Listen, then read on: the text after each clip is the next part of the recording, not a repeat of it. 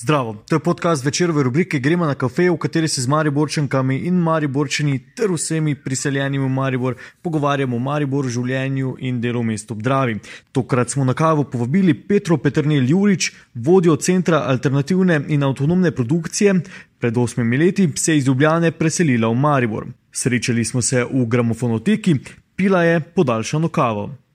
Petra Petrnil, Jurič, pozdravljeni na kafeju, v mariborski rubriki gostimo, če se ne motim, Ljubljančanko. Tako je. Kaj vas je pripeljalo v Maribor? Um, pripeljalo me je v bistvu uh, zelo glasno leto v Mariborsko Evropsko prestolnico kulture.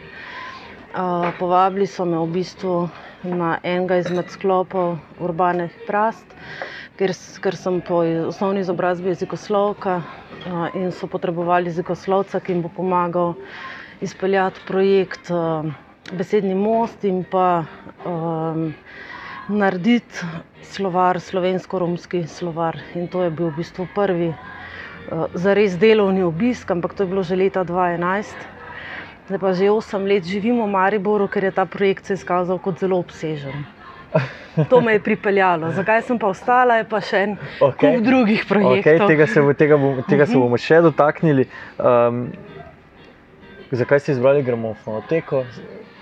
Uh, ker je to lokal, ki mi je uh, lokacijsko zelo blizu od doma in tam, kjer delam, uh, torej od pisarne Capa.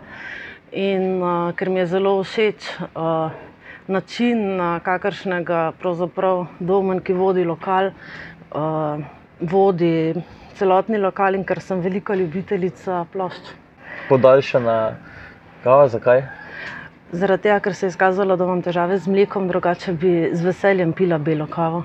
Umenili ste EPK, za že 8 let od tega. Um, mnogo kdo se v bistvu uh, ob omembi EPK-ja zmrduje. Ne?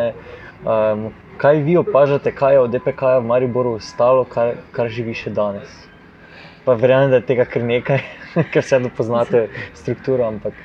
Mislim, zelo težko um, ocenim, kaj je takrat v času IPK-ja nastalo, razen tega, ker sem jaz sodelovala, ker sem se toliko ukvarjala z tem, kar imamo za nares, da pravzaprav bi bila zelo. Um, preveč kritična ali pa zelo nekritična, pa bi zelo samo svoje ocenila. Eh, zagotovo je naš program ta, ki je ne, center alternativne in avtonomne produkcije, zagotovo rezultat in je obstal v ta čas. Um, ampak za druge pa žal ne vem, vem za nekatere, s katerimi še sodelujemo, pa vem, da so v tistem času nastali. Recimo Društvo Hiša, vem, da so takrat začeli tudi, ampak to pa je tudi približno vse, zato res ne bi se, mislim, ne bi upala uh, kaj več okrog tega povedati. No. Okay, če pa gremo k vam uh mhm. -huh. osebno, vi ste rekli, tudi zaradi tega uh mhm. -huh. prišli ste v Maribor. Kaj vse pa je krivo da ste tukaj ostali, oziroma da ste tukaj tudi po osmih letih? Je zagotovo način dela, ki me je in osebno, in profesionalno zelo zanimal. Um, na CAP-u sem se izredno veliko naučila.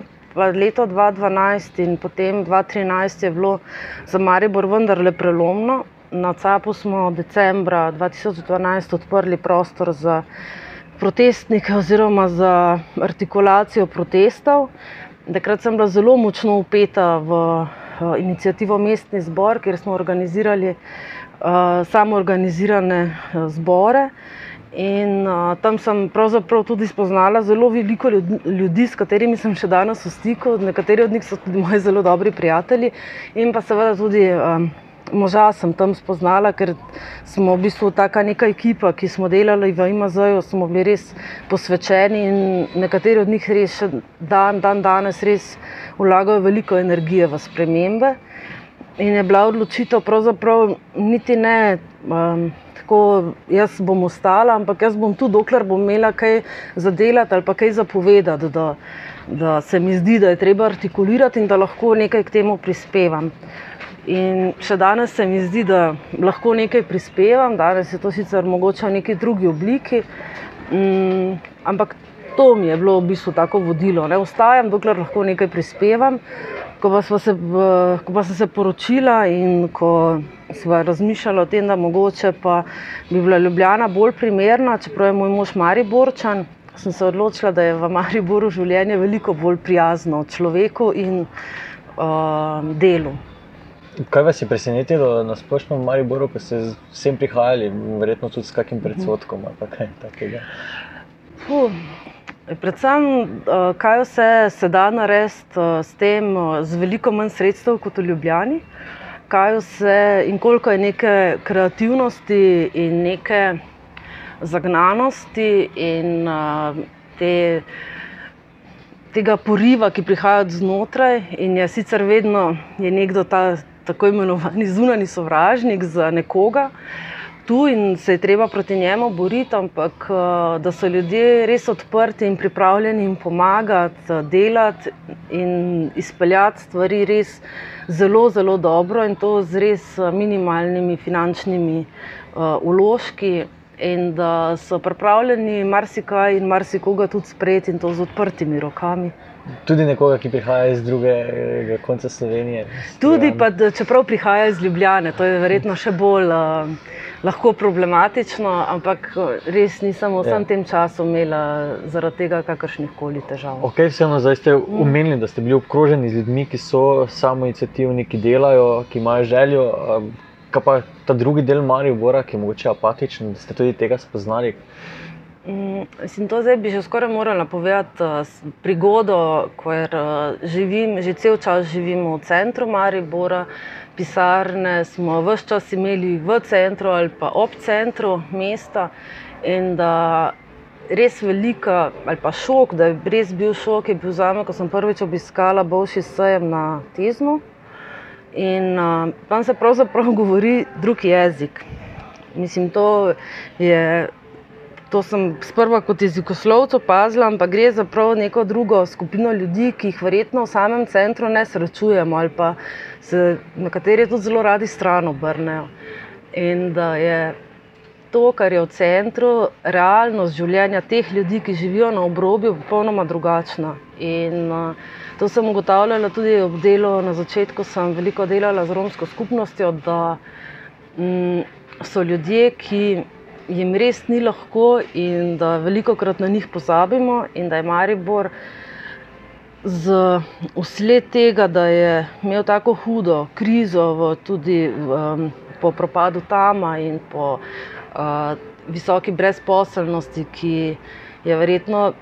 Kljub temu, da smo imeli po celi Sloveniji gospodarsko rast in ob tej finančni krizi, se je Maribor res zelo, zelo pozno pomogel, in da so ljudje v resničnih stiskah in da mm, se veliko krat ne znamo soočiti, ali pa jim pravzaprav niti ne vemo, kaj potrebujejo, ne vprašamo jih prav za res in ne znamo jim pomagati ali pa jih ne usmeriti na pravo pot. Je bil to en velik šok za me, pa to je bilo samo kratek obisk enega bošjaka. Pa, in pogovorov z ljudmi, ki niso v centru ali pa se ne gibljajo samo po centru Maribora. Torej, lahko rečemo urbani in ruralni Maribor, ta, te delitve, ki jih tudi opazimo na, vem, na volitvah in še kje. Pa, recimo, ja, lahko tudi tako, ne, da, mm, da enostavno so to dva svetova, ki. Ne, trči, ne trčita ali pa se samo odbijata eno od drugega, da ne pride do tega nekega, da vse to je Maribor, ali pa vsi mi smo Maribor, ne Maribor je, vse to je Maribor, ali pa vsi mi smo ne, z, in z a, lokalno oblastjo, in z tistimi, ki izvajo kakršne koli programe, in z vsemi tistimi, ki. ki Organizirajo dogodke z vsemi tistimi, ki ustvarjajo kakršno koli ponudbo, z vsemi tistimi, ki ki prihajamo rečemo, iz civilnega sektorja do vsakega slehrnega posameznika. Vse to pač je del. Okay. Um, rekli ste že, da v bistvu razmišljate tudi o jezikoslovju, z tega ste tudi izobraženi. Omenili smo že prej Ljubljano, prihod v Maribor, dosti krat uh, je naš način torej, uh, govorjenja drugače sprejet, kot bi si želeli. Kako ste ga vi Mislim, to je zelo ena velika mislim, krivičnost tega vidika, da se vedno uporablja, ne, da se ga karikira kot nekoga, ki je ne, vseh, v, običajno v nekih dramskih delih ali pa tudi v nekih vicih. Mislim, jaz tega osebno nisem, uh, mislim, nimam tega ne občutka, ne predznaka. In, uh, če dolgo ne gremo v Ljubljano, kar se včasih tudi zgodi, imam popolnoma in mariborski naglas že in uporabljam besede, ki jih v Ljubljani nikakor ne bi. Ne? In tudi uh, moja najljubša ne, fraza je, kaj pa te. Ne, to, in to tudi na dnevni bazi verjetno že uporabljam, ker je pač na jezik tudi se spremenja, glede na okolje, v katerem živim. Ne, da, mislim, da se samo, da to je ena nepremišljenost no, z vidika teh, ki, karik, ki želijo karikirati eh, ne, eh, na glas ali pa dialekt na ta način. Okay, mhm. koliko jezikov govorite, nekaj sem klikal po internetu? Uf, to bi zdaj morala, na, bom na hitro poskušala prešteti, tri, štiri, pet. Torej, ja, maternega pet jezikov, pa dva Uh, en je tako mrtvi jezik, tako da ga razumem in ga znam brati. Uh, in pa dva pasivno bi jih razumela, ne, pa, ne bi pa mogla se uh, vsega zmeniti od teh jezikov. Ker torej vseeno lahko rečemo poliglot. Ali, ja. ja, to že spada v to kategorijo. Kak, okay, kakšno je znanje Mariborčanov uh, med tujih jezikov? Ali... Nimam občutka, pa težko bi to uh, bi težko bi ocenila. Mislim, sodeč po svojem možu, ki govori tri, štiri, pa pet, pa, pa stalno se uči še nekaj malo zraven, bi rekla, da vseeno veliko. Pa tudi se pa pozna bližina Avstrije. Se mi zdi, da je znanje nemščine res na visokem nivoju med, med Štajerci. Bi to res pohvalila, ker v Ljubljani ni, ne, na, veliko manj ljudi. Tak, po neki moji pavšalni oceni bi rekla, da Ukvarjali ste, tu, ste se tukaj, tako kot ste že omenili, z pripravo slovarja romskega jezika. Mogoče nam zaupate kaj z tega projekta, kakšne zanimivosti. Uf, to je že tako daleč. Vse je nekaj posebnega. Ja, je, ja, je. Predvsem je bil poseben na tem, ker smo dejansko bil nastanek slovarja, je bil proces z jezikoslovnega vidika prekratek in zelo, zelo kratek proces, ampak z vidika nastajanja, na kakšen način je nastajal, pa vendarle zelo zanimiv. Mm, sodelovali so pri njemu tako pripadniki romske skupnosti in sicer obeh mariborskih ločin, eh, mariborske romske skupnosti. In pa različni strokovnjaki, uh, tako v Sloveniji, jih pravzaprav za romski jezik nimamo, vsaj do vsaj takrat, to je bilo leta 2011 in 2012, jih še nismo imeli. Smo pa veliko sodelovali z strokovnjaki iz Srbije in pa iz Bosne in Hercegovine, tako da smo z njimi tudi preverjali. In potekalo je pravzaprav na način, da je, jezi, da je uh, nekdo, ki je po izobrazbi jezikoslovec, delal z nekom, ki je iz romske skupnosti in je romski jezik dejansko govori in razume. Ker eno je strokovno postaviti in ne, uh, popisati uh, vsa gesla in geselske članke, na, drugi strani pa, iz, ne, smo pa sodelovali z goslovci, ki nam romščina ni ne materni jezik, niti ga nihče od nas aktivno ne govori. Tako da v tistem času sem že marsikaj razumela, ampak še vedno ne bi rekla, da, ne, da znam romsko ali pa da ne sem takrat kadarkoli kaj znala. Sem pa lahko z vsemi temi strokovnjaki, pa z pomočjo predvsem z zelo pripravljenimi um, rominjami in romi, dejansko, um, da smo lahko skupaj uh, popisali vso, vse vas besedni zaklad. Eh, ki je značilen za mariborske eh, Rome. Mm, kajti tudi v Sloveniji so vse skupnosti romske, imajo pač svojo različico jezika, kar pa je seveda bilo tudi za, za časa iz ne, dela slovarja. Pomembno je to, da je bilo treba črpati iz govora, ker je ma, zelo malo, praktično ni bilo nekih uh, zapisov ali pa knjig, ki bi bile v romskem jeziku.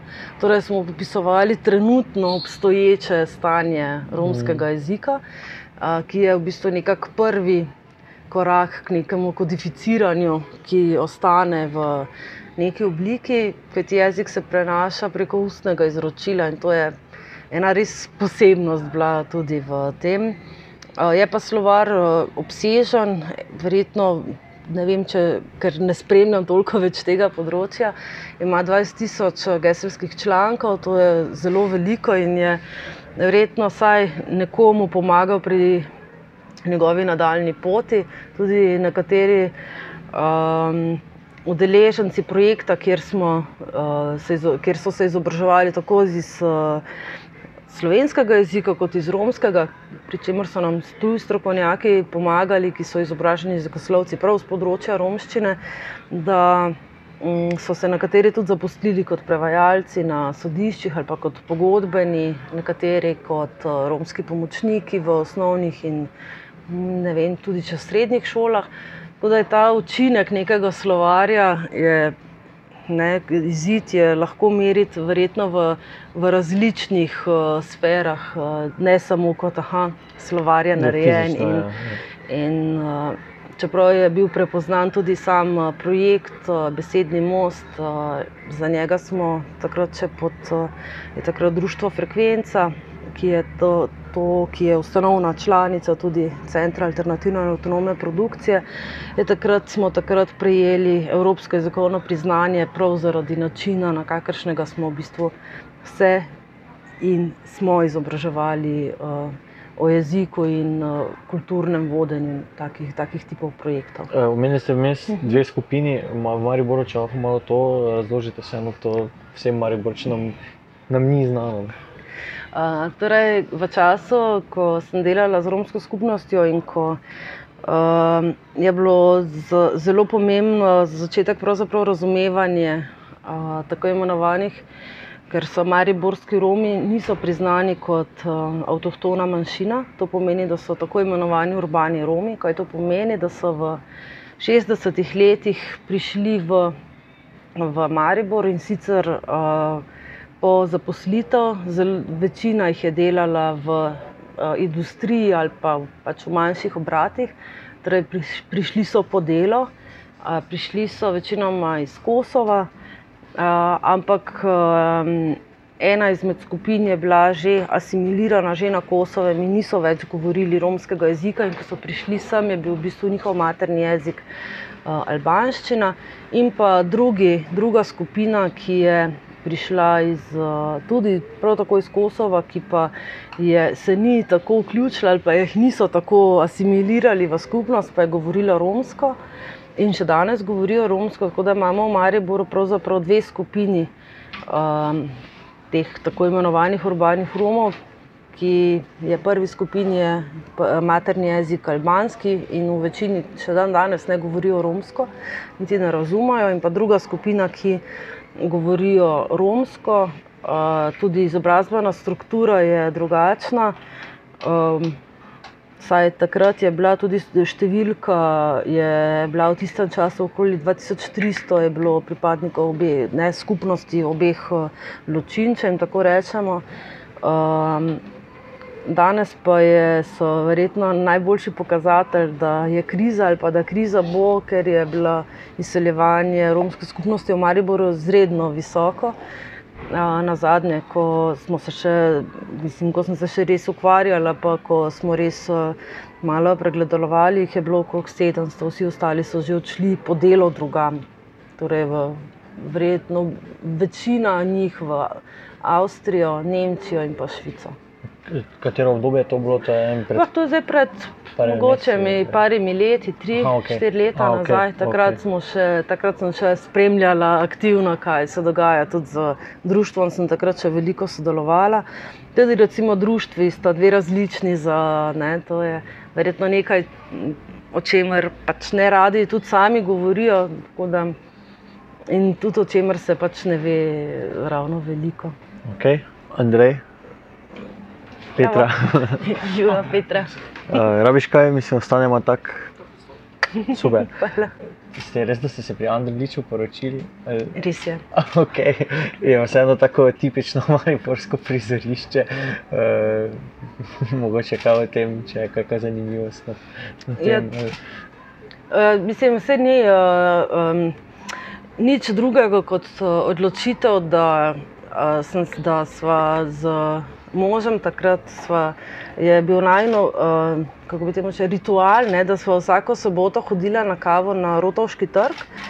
m, Kjer smo opazovali poroke, in to je bil naj tak um, hobi, sobotno, in sva, in sva vsakeč ocenjevala, da to ne bo dolgo trajalo, "U, to pa zgleda, kot da bi lahko. Pardon. Vrhunski hobi.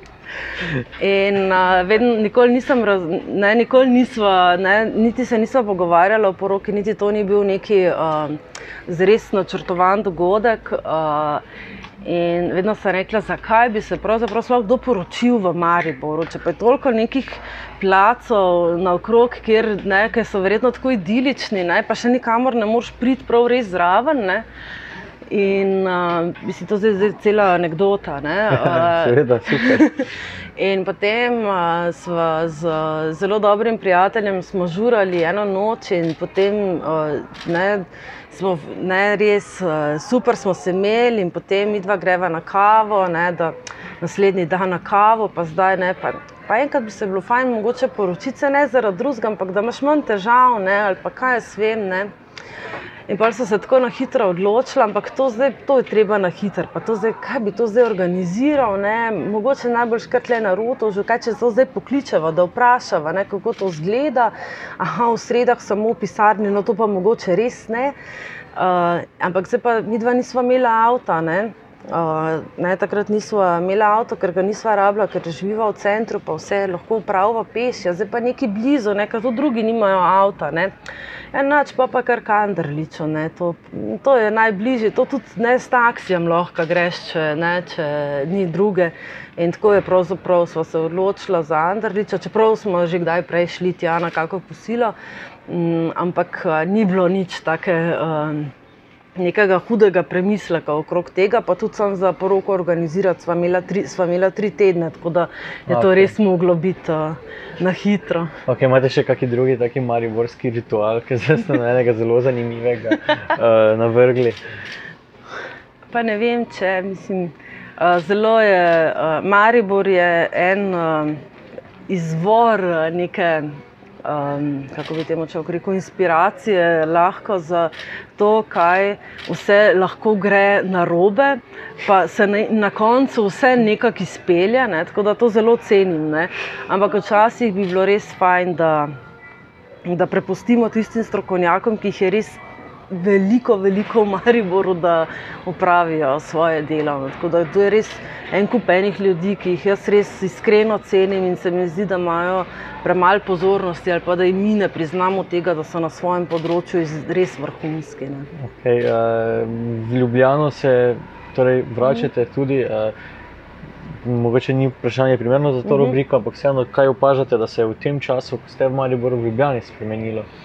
Ja, eden izmed ključnih stvari, zakaj smo se odločili, da, da, da v Ljubljano se jaz ne bom vrnila, uh, ali Joša pa šel z mano, je to, da je to absolutno preveč um, turistično in preveč uh, nabito mesto, kjer pravzaprav teh, te silne ponudbe na koncu tisti, ki tam živijo, nimajo nič, ker si je A ne morejo privoščiti, ker so od nje oddaljeni tudi zaradi stalne, stalnega kaosa na cestah, ker v Mariboru si povsod v maksimalno 20 minutah, tam pa v 20 minutah mogoče dva semaforja naprej prideš.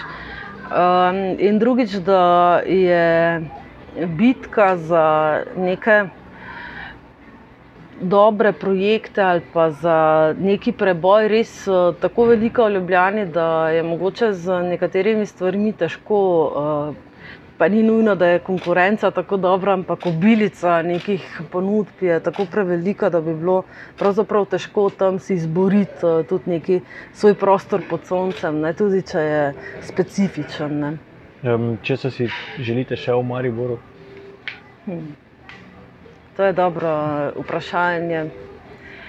verjetno dobre ali pa vsaj uh, hm, vključujoče vodenje. Uh, Na, tako na neki lokalni ali pa na politični ravni, predvsem pa še naprej uh, dobro sodelovanje uh, med organizacijami in posamezniki, kljub temu, da so vsi ali pa smo vsi konkurenca, še vedno uh, se mi zdi, da je ta pripravljenost pomagati v Mariboru zelo velika in da ne bi pozabili na vse tiste ljudi, um, ki, s katerimi smo Maribor, da ne bi pogledali stran, ko jih vidimo na ulici, pa da bi tudi njih vključili, pa jih ne, mogoče dali priložnost.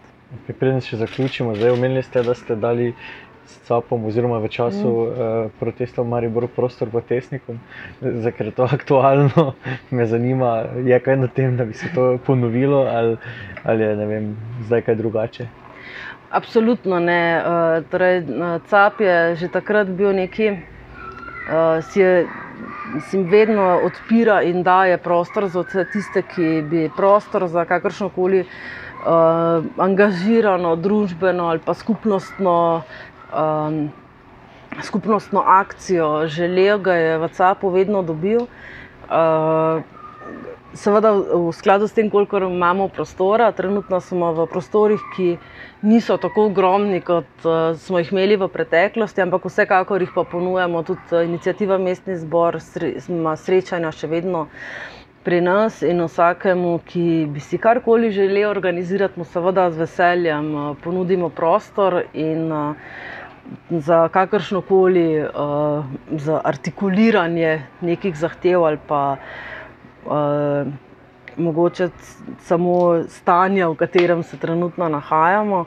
Um, da bi pa sami kaj organizirali, pa trenutno nismo, mislim, nismo, ali pa mogoče bi celo morali reči, nismo še. okay. um, inicijativa Mestni zbor eh, skrbi za več demokracije v mestu. Uh, se je na tem področju naredil korak naprej v osmih letih, oziroma se opaža to, da je tudi lokalna politika naredila korak naprej v tem skopu, ali v bistvu inicijativa obstaja, se trudi, pa ni slišana. O, to bi težko zdaj, jaz tako bi pavšalno bi moral matica vprašati. ja. Ampak uh, mislim, kar se mi zdi res uh, slabo ali pa po eni strani uspeh, po drugi strani pa tak neki pokazatelj pripravljenosti, kako nekaj narediti. Je tudi, da je nekako zaživela inicijativa uh, za, ne, za uvedbo participatornega proračuna, je Mariborska občina bila prva, ki je ta predlog dobila. Takrat je bilo tudi nešteto sestankov in, eh, in pregledal, kako se bi se to dalo izvesti. Um, tudi Matic je tu res, mislim, za pravniki sodeloval, tudi ostali smo pač pomagali po nekih svojih močeh. In od takrat se je v Mariboru zgodil en res eh, lajev poizkus tega participatornega proračuna, ki ni zaživel in je bil tudi zelo slabo načrtovan strani mestne občine Maribor čeprav je inicijativa odloča v mestu zelo aktivno vstopila. Um, ampak to je ta negativna plat, ne, da bi si to mm. mogoče vseeno želeli, po drugi strani pa so zaživeli, je pa zaživel participatorni proračun v drugih občinah. Zdaj, ne vem, v, ampak mislim, da v petih do šestih zagotovo, da bi jih pa znala našteti, ne znam, ampak uh, Ajdovščina mislim, da je ja, koman pol pa mi počasi zmanjka, ampak je Nova Gorica. Uh, da je nekaj se vseeno premaknilo, kljub temu, da v Mariboru ne živi, pa je v drugih uh, mestih uh, neka realnost. No.